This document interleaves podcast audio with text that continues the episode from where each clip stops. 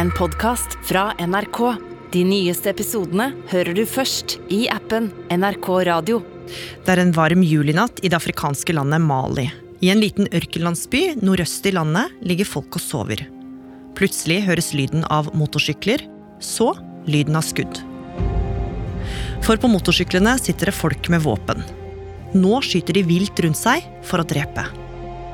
Og når de er ferdige, tar de med seg dyra til bøndene som bor der. Angrepet i sommer ble omtalt som en massakre, men blodbadet er bare toppen av trøbbel i området. Mange er veldig bekymret for Mali. I Mali har det vært eh, over 130 drap under flere angrep eh, på flere landsbyer. Først og fremst eh, så er det en veldig vanskelig sikkerhetssituasjon. Og nå frykter flere hva som vil skje. For det viser seg at det har dukka opp en helt ny aktør i landet. Mali on Tuesday received military jets and combat helicopters from Russia. And it looks like very much Moscow is trying to fill the gap against the, the French in this part of Africa. Hvordan gikk Mali fra å være et fredfullt hjørne av verden til å bli et sentrum for terror? Og er det sånn at noe Norge gjorde for ti år siden, spiller en rolle i det som nå utspiller seg?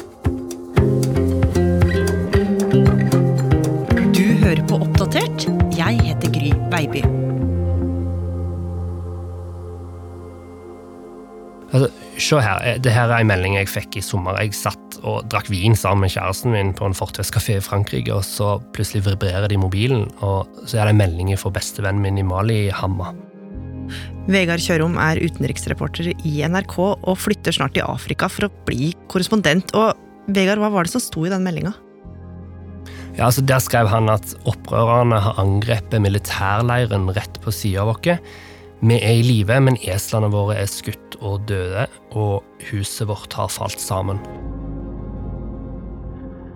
Altså, Der satt jeg i ro og fred og drakk vin på, på et fortau i Frankrike, og så sto han der med ødelagt hus og et nyfødt barn på armen og et dødt esel. Og dette eselet bruker de som transportmiddel for å komme seg til åkeren og til markedet. Mm, så ganske stor kontrast. Og Vegard, du ble jo kjent med Hama da du selv bodde i Mali i 2011. Hva slags land var det da? Altså, Da var Mali et fredelig land. Det hadde vært konflikter der eh, tidligere, men de konfliktene var, var, vekke, og det var for det meste greit og ja, ganske fredelig. Folk var fattige, og det er omfattende fattigdom i hele denne regionen. Men hverdagen var preget av et rolig landsbyliv med esler og høns som gikk rundt i gatene. Og på fredagene så gikk mange i moskeen, for stort sett de fleste i Mali er muslimer, men samtidig så er de ganske sånn avslappa på religiøse regler og sånt. da. Noe av det jeg husker best fra dette her året, eh, det var at jeg om kveldene gikk ut til Hamma og familien hans, som da satt ute på gårdsplassen rett ved der jeg bodde.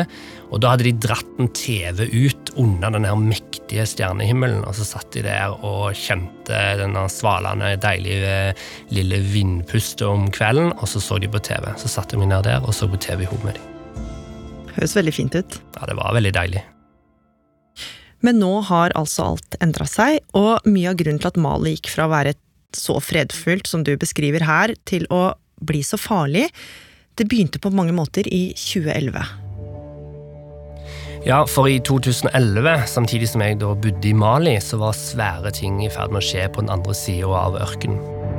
Protestbølgen mot makthaverne i arabiske land fortsetter å spre seg. I ti dager har disse demonstrantene holdt stand her på plassen. Og de gir seg ikke. I eh, hele dag har det vært hundretusener av mennesker ute i gatene i eh, Kairo.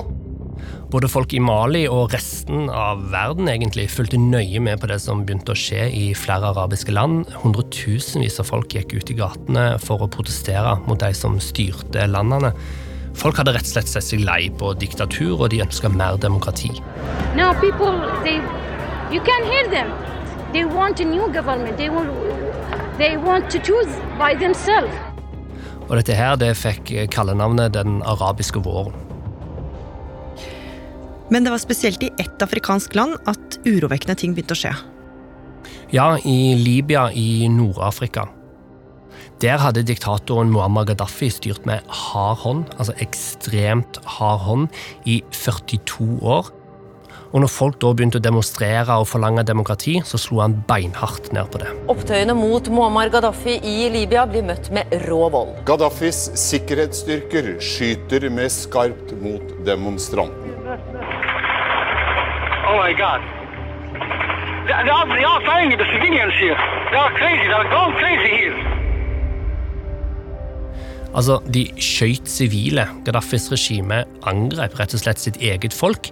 Mange ble drept, og omverdenen sto utenfor og fikk sjokkert med seg det som skjedde. Mm. Og bildene fra Libya de spredte seg fort til en hel verden, og også norske politikere og FN fulgte nøye med på det som skjedde. Ja, og det ble snart tydelig at eh, mange mente at nå var de nødt til å ta et valg, eh, for helt vanlige folk ble altså drept i disse opptøyene. Så etter hvert så kom dette her opp i FNs sikkerhetsråd, og de ble enige og sa ja til noe som ikke skjer så veldig ofte, nemlig at alle nødvendige midler skulle tas i bruk for å beskytte sivile og befolka områder som ble trua av angrep. Ja, Så FNs mektigste organ de mente at det var greit for andre land å gripe inn i det som skjedde. Mm, og dagen etter FN-vedtaket så ble det klart USA beordra angrep på Gaddafi sine militærstyrker. Ja, og det fikk jo også konsekvenser for Norge. Ja, fordi Norge, akkurat som USA, er medlem av Nato, og dermed måtte Norge ta stilling til skulle de være med og bombe, og de landa relativt raskt på at ja, det skulle Norge. På rekordtid har Forsvaret mobilisert 120 personer som skal utgjøre Norges bidrag i kampen mot regimet i Libya. Vi må være forberedt til å gjøre en innsats når vi blir bedt om det. Det skulle bare mangle. They are continuously firing to the northwest. Og jeg husker jeg tenkte at dette her var ganske alvorlig, og at alt skjedde så fort. Norge hadde altså blitt plutselig gått inn for å bombe et annet land, og det spesielle var at dette vedtaket ble gjort av regjeringa uten at Stortinget fikk bli med å behandle saka. Og det har regjeringa lov til, men det er likevel omstridt å gå til krig uten en klar forankring i det norske Stortinget. Men målet til Norge og de andre Nato-landene det var jo klart. De ville styrte diktatoren Gaddafi og militæret hans. Og utover våren og sommeren så fortsatte norske kampfly og andre Nato-styrker kampene i Libya. Etter et halvt år så begynte det å snøre seg ordentlig til rundt diktator Gaddafi, og 20.10.2011 dukka det opp blodige bilder. På en video ser man den gamle diktatoren omringa av fiendtlige og væpna menn. Gaddafi har på seg en lysebrun skjorte, den er dekka av blod, og han blir sparka og mishandla. Hva som skjer videre, er uklart. Noen forteller at diktatoren blir skutt, men det neste som skjer, er dramatisk. På en ny video så ser man Gaddafis lik bli slept gjennom gatene i hjembyen hans. Og liket blir tråkka på av en jublende folkemengde. Og Vegard, med Gaddafis død så skulle man kanskje tro at ting roa seg i Libya og landene rundt. Men der du satt, i Mali, så merka du at folk reagerte ekstra sterkt på det som skjedde i Libya, for nå begynte ting å endre seg der du var også. Ja, i Mali var det mange som var veldig bekymra for det de så i Libya. Myndighetene i Mali hadde fra før advart mot å styrte Gaddafis regime, for de visste at selv om Mali og Libya ikke grenser til hverandre, så er de likevel knytta sammen av den enorme Sahara-ørkenen. Og i Mali så frykta de at et ustabilt Libya ville føre til et ustabilt Mali. Ja, altså at konflikten skulle smitte over. Ja, og de skulle dessverre få helt rett. Hvordan da? Det viste seg ganske raskt etter Gaddafis død at Mali var i trøbbel. For blant alle soldatene som hadde kjempa for Gaddafi i Libya, så hadde de ikke bare vært libyere. Det var òg folk fra Mali. Og de hadde vært leiesoldater rett og slett for Gaddafi. Og disse leiesoldatene var i det store og hele menn fra tuareg-folket i Mali, som i mange år hadde hatt en god tone med Gaddafi, og da krigen i Libya starta, så hadde de meldt seg til innsats. Mm. Så hadde altså folk som kriga i krigen i Libya. Og hva gjorde disse leiesoldatene nå, når Gaddafi var død og regimet hadde falt? Leiesoldatene begynte å komme tilbake til Mali, og nå var de utstyrte med våpen. Og de hadde en plan. De ville ha sitt eget land i et ørkenområde som de kaller for Asawad, og de ville ta dette området med makt. For i årevis så hadde de følt seg nedprioritert av regimet. Og selv om dette her egentlig var en sånn gammel konflikt som Mali hadde sett seg ferdig med, så mente tuareg-folket at situasjonen deres hadde ikke blitt bedre. Og Dermed så ble befolkninga i Mali vitne til at tuaregene, utstyrte med Gaddafis våpen, starta en helt ny krig. Så til situasjonen i det vestafrikanske landet Mali, der den ulmende konflikten mellom tuaregene og regjeringen har flammet opp, med rundt 50 drepte som resultat så langt. Ja, disse kampene har rast i to dager, og det er uh, tuareg-opprørere som uh, da gjør opprør mot uh, regjeringen i Mali. Den krigen her starta med noen få angrep i Mali, men vanlige maliere fikk raskt se at det vokste til en stor og alvorlig konflikt, Vegard. Ja, for den maliske hæren var absolutt ikke forberedt eller godt nok utstyrt til å stå imot disse her krigstrente opprørerne. Så bit for bit så klarte tuaregene å ta kontroll over dette enorme området som de mente var Asawad. Og til slutt så hadde Mali mista kontrollen over halve landet sitt. Og det var jo ganske heftig, for Mali er et enormt land, og området tuaregene nå hadde okkupert, var like stort som Norge, Sverige og Finland til sammen. Men snart trodde i alle fall mange i Mali at de verste kampene, de var jo over. Ja, mange håpa det, fordi tuaregene de sa seg fornøyde når de hadde kontroll over halvparten av landet, og sa at det nå kunne bli rom for forhandlinger og kanskje en fredsavtale. Og det var jo bra at de hadde trappa ned kriginga, men det skulle raskt vise seg at situasjonen for folk i Mali den skulle bare bli verre. Ja, mye verre. For i skyggene av kampene mellom Mali og disse opprørerne fra Tuareg-gruppa, så dukka det opp noen helt nye, ganske mystiske folk. Det var folk som ikke hadde like sterke bånd til Mali, og de kom ned ifra Sahara-ørkenen og starta å krige helt nord i Mali. Og det viser seg at dette her var ei særdeles brutal gruppe. This is where the jihadists meted out their brutal justice. Public punishment for breaking Sharia law became commonplace. This is where they brought me to the pillar. They sat me down on a chair, they tied me up, both my hands, both my feet. They talked in Arabic. They took out their knife, they said Allahu Akbar. They put it on my hand and they cut it. Hvem var de? Dette var islamister. De hadde fulgt med på det som hadde skjedd i Mali, eh, og alle kampene som var der. Og så så de sitt snitt til å ta kontroll over dette området, som nå da var nesten uten maliske soldater eller malisk kontroll i det hele tatt. Ja, så tuareg-opprørerne de hadde på en måte gjort forarbeidet, de, og jagde vekk den maliske hæren. Og da gikk det raskt for islamistene å ta over kontrollen. Ja, og nå begynte folk i Mali virkelig å bli bekymra, for disse islamistene de var brutale, som vi hørte. Og de reiste rundt og innførte strenge sharialover. Kvinnene måtte plutselig dekke til hele seg. Fotball ble for eksempel forbudt. Og de tok livet av både vanlige folk og maliske soldater. Men de stansa ikke der heller.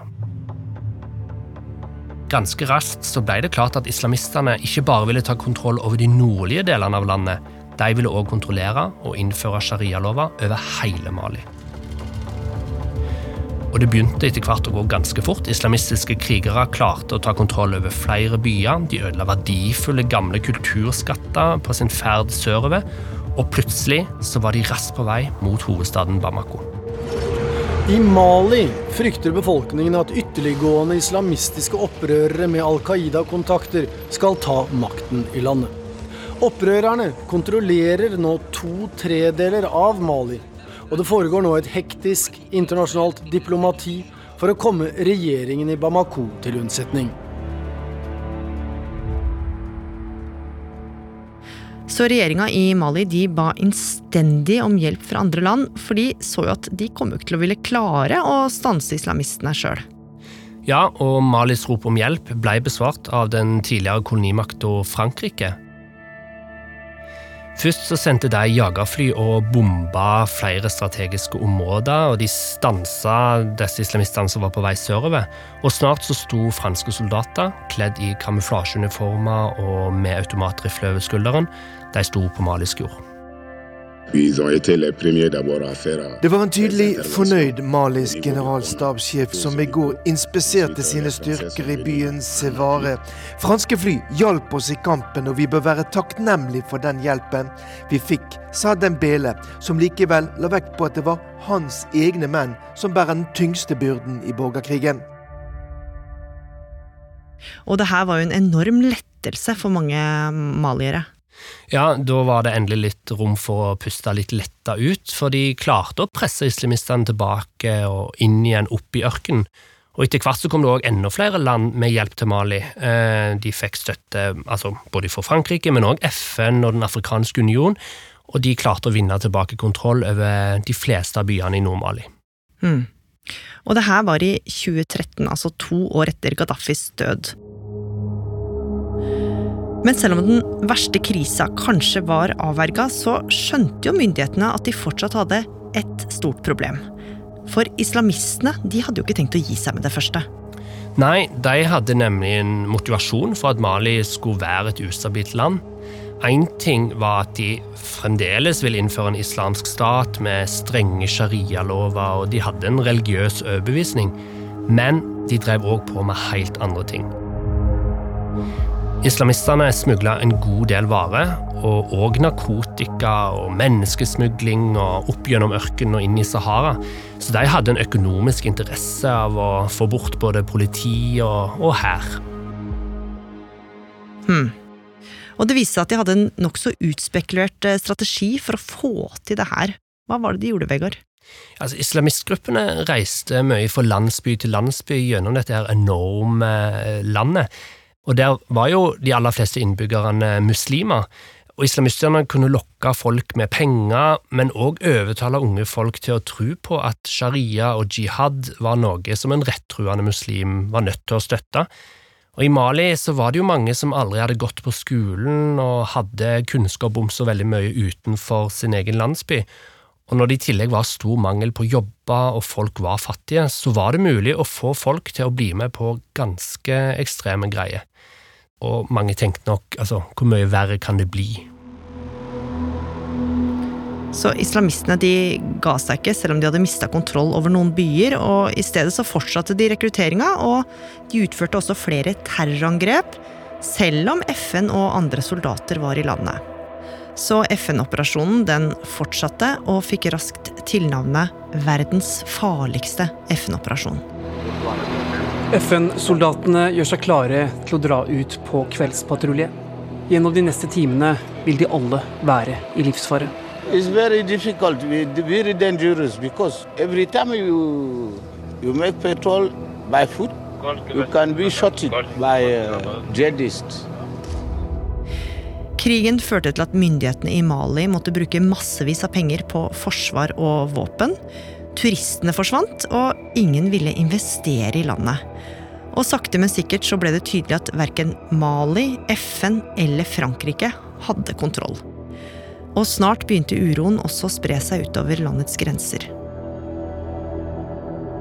En fredagskveld i januar 2016 kryr det av gjester inne på et fasjonabelt luksushotell i hovedstaden i Burkina Faso, nabolandet til Mali.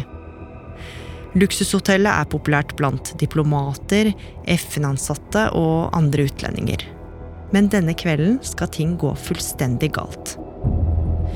Plutselig dukker det opp væpna menn utenfor. De setter fyr på biler som står parkert utafor hotellet. Så stormer de bygninga og begynner å skyte rundt seg. I det vestafrikanske landet Burkina Faso pågår det en terroraksjon i hovedstaden Ouagadougou. Væpnede menn har storma et hotell, og det meldes om eksplosjoner og skyting i bygningen, der flere personer skal være drept. Angriperne tar flere gisler og dreper totalt 29 personer. Og snart går en av islamistgruppene som lenge herja i nabolandet Mali, nemlig terrorgruppa Al Qaida, ut og sier at de står bak. Så Vegard, nå ble det tydelig at problemene de hadde spredt seg fra Mali til nabolandet Burkina Faso. Ja, og ikke nok med det, ulike folkegrupper i området ble etter hvert kritiserte for å støtte ulike sider av konflikter, og dermed ble det òg en sånn etnisk dimensjon på alt det fæle som skjedde. Og siden verken rettssystemet eller politiet fungerte optimalt, så begynte folk å ta saken i egne hender, og et angrep kunne derfor bli besvart med et hevnangrep, og sånn ble problemet bare verre og verre, og massakrene ble større og større. It was a surprise attack in the middle of the night. Men on motorbikes wielding machetes and guns, looking for people from the Dogon ethnic group. Men, women, and children were killed and others injured. They destroyed these vehicles. They destroyed people's homes. The damage is immense. Og i mange år så var det en veldig uoversiktlig situasjon med grov vold, terror og kamphandlinger. Men så, midt oppi alt dette kaoset, så skjedde det noe som skulle endre maktbalansen i dette enorme området. For internt i Mali hadde mange blitt både sinte og frustrerte over krigen som bare varte og varte. Og det hadde flere ganger vært en kamp om makta i Mali og flere statskupp. Og i 2020 så måtte befolkninga nok en gang se at en gruppe militære ledere rett og slett bare kasta presidenten og tok makta. Og Vegard, dette statskuppet her, det skulle få uante konsekvenser. Ja, denne militærjuntaen som nå hadde tatt kontrollen, de ville få til en mer effektiv motstand mot islamistene, sa de. Og det var jo bra, men juntaen var ikke særlig interessert i demokrati eller det å holde et demokratisk valg. Og det var det flere av Malis samarbeidspartnere som ikke likte, og spesielt urolige ble de nok i Frankrike, for de var fortsatt djupt involvert i Mali med mange soldater. Men de som hadde kuppa makta, så ikke ut til å bry seg så særlig mye om hva Frankrike tenkte, og så skjedde det som overraska ganske mange. Ja. På høsten i fjor så dukka det litt plutselig opp soldater uten flagg på uniformen i Mali. Og disse nye soldatene de var hvite i huden, og de snakka russisk. A France 24 source reveals photographic evidence of the Russian mercenaries of Wagner, hired by the junta despite the presence of French, European, and African forces already in the country for the fight against jihadist insurgents. Det ble raskt tydelig at en helt spesiell gruppe leiesoldater hadde kommet til Mali, nemlig Wagner-gruppa. An organization that has no website, no telephone number, no physical address. Wagner is so secretive that officially It does not exist. Og som vi har snakka om tidligere her i Oppdatert, så er det jo mange som peker på at denne Wagner-gruppa den har trolig tette bånd til den russiske stat. Og det er jo en svært berykta gruppe, Vegard. Ja, Wagner-gruppa var kjent for å kunne finne på å gå til angrep på en hel landsby bare fordi noen av de som bodde i landsbyen, ble regna som fiende. Og de drepte sivile om de så seg tjent med det. Og I tillegg så var det sånn at når Wagner-gruppa hadde kommet til Mali, så tok mange det som et tegn på at Russland sannsynligvis hadde gjort et inntog i landet. Og Dette skjedde jo òg samtidig som at Russland gikk til krig i Ukraina, så etter hvert så fikk Frankrike nok. France has announced it is withdrawing its troops from Mali, where they have been fighting a jihadi insurgency for 10 years. Så Frankrike forlot Mali i sommer. Og det virka jo som at militærjuntaen i Mali var ganske fornøyd med det, for de virka jo mer interessert i å samarbeide med Russland enn med Frankrike. Ja, altså for en militærjunta så var det jo langt mer behagelig å samarbeide med noen som ikke akkurat setter demokrati og menneskerettigheter i forsetet. Og Etter hvert så kunne en også se i sosiale medier og, og i debattflatene at eh, holdningene til Frankrike hadde endra seg ganske mye blant helt vanlige folk i Mali. For selv om franskmennene hadde vært i landet i mange år, så hadde det jo ikke blitt noe fredeligere i den perioden. Tvert imot, egentlig. Og så var det veldig oppsiktsvekkende at flere plutselig var blitt så store tilhengere av Russland. Long live Russia and bye bye France. These men chanted at a press conference to show support for Mali's ruling junta after reports that it was close to a deal with Russian private security group Wagner to deploy in the Sahel country. Og det dukka i denne perioden også opp flere videoer, bl.a. av demonstrasjoner der eh, maliere sto på gata og satte fyr på pappfigurer av den franske presidenten Emmanuel Macron, samtidig som de veiva med russiske flagg. Men det var jo noe som skurra litt. Ja, det begynte å komme tegn på at eh, dette ikke akkurat skjedde helt av seg sjøl. Eh, Wagner-gruppa var kjent for å bruke propaganda, og dermed så var det mange som tenkte at Russlands propagandamaskineri var fullt i gang i Mali for å sverte Frankrike. Og mange i Mali trodde òg på konspirasjonsteorier og løgner om Frankrike. Men hvis det er sånn at Russland nå har engasjert seg i Mali, hvorfor i alle dager vil de det? Altså, Hva tjener Russland på det? Altså, Russland er jo på leit etter nye venner nå som de har gått til krig mot Ukraina. Og I tillegg så får nok Russland mye gull og andre naturressurser som Mali har ganske mye av. Men alt dette her er jo ting som er ganske hemmelige, og som vi ikke kjenner i detalj.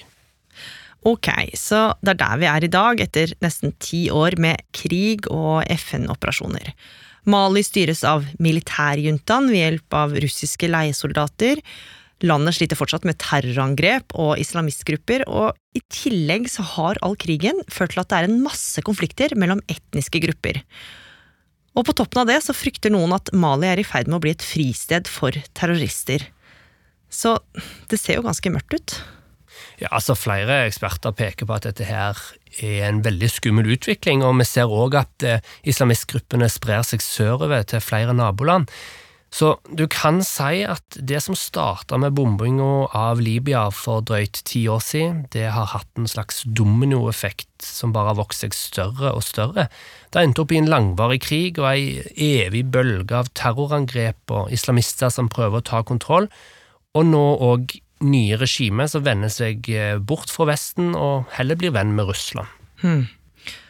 Og det som var med å sette startskuddet for alt dette her, altså bombingen av Libya, det var jo vi i Norge med på.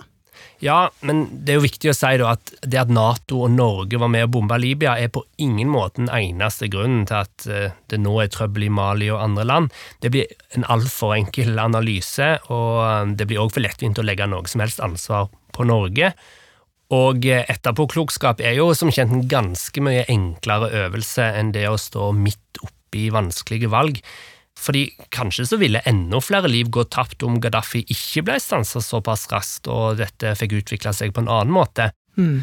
Men alt dette er jo en påminning om hva som kan skje når du fjerner en diktator i et land der ingen står klare til å ta over styringa. Mm. Uansett, det som blir veldig tydelig nå i ettertid, er at det som skjedde i Libya for ti år siden, det var med på å endre maktstrukturene i denne delen av verden fullstendig. Men Vegard, helt til slutt, hvordan går det med Hama, kompisen din i Mali som sto der med et nyfødt barn og ødelagt hus? Han sier til meg at det, det, går greit. Eh, huset har de fått bygd opp igjen, og barnet vokser til. Samtidig så er det jo en hverdag med krig i området, som dermed fører til at økonomien stanser helt opp. Han har nå gått ti år arbeidsledig, selv om han har en utdanning på universitetet, og det er jo en del av problemet her. Men hva valg har han annet enn å håpe på at det skal bedre seg? Dette er et folk som lenge har sett at det har gått dårligere, men mange har fortsatt et håp om at eh, freden skal komme tilbake igjen til Mali.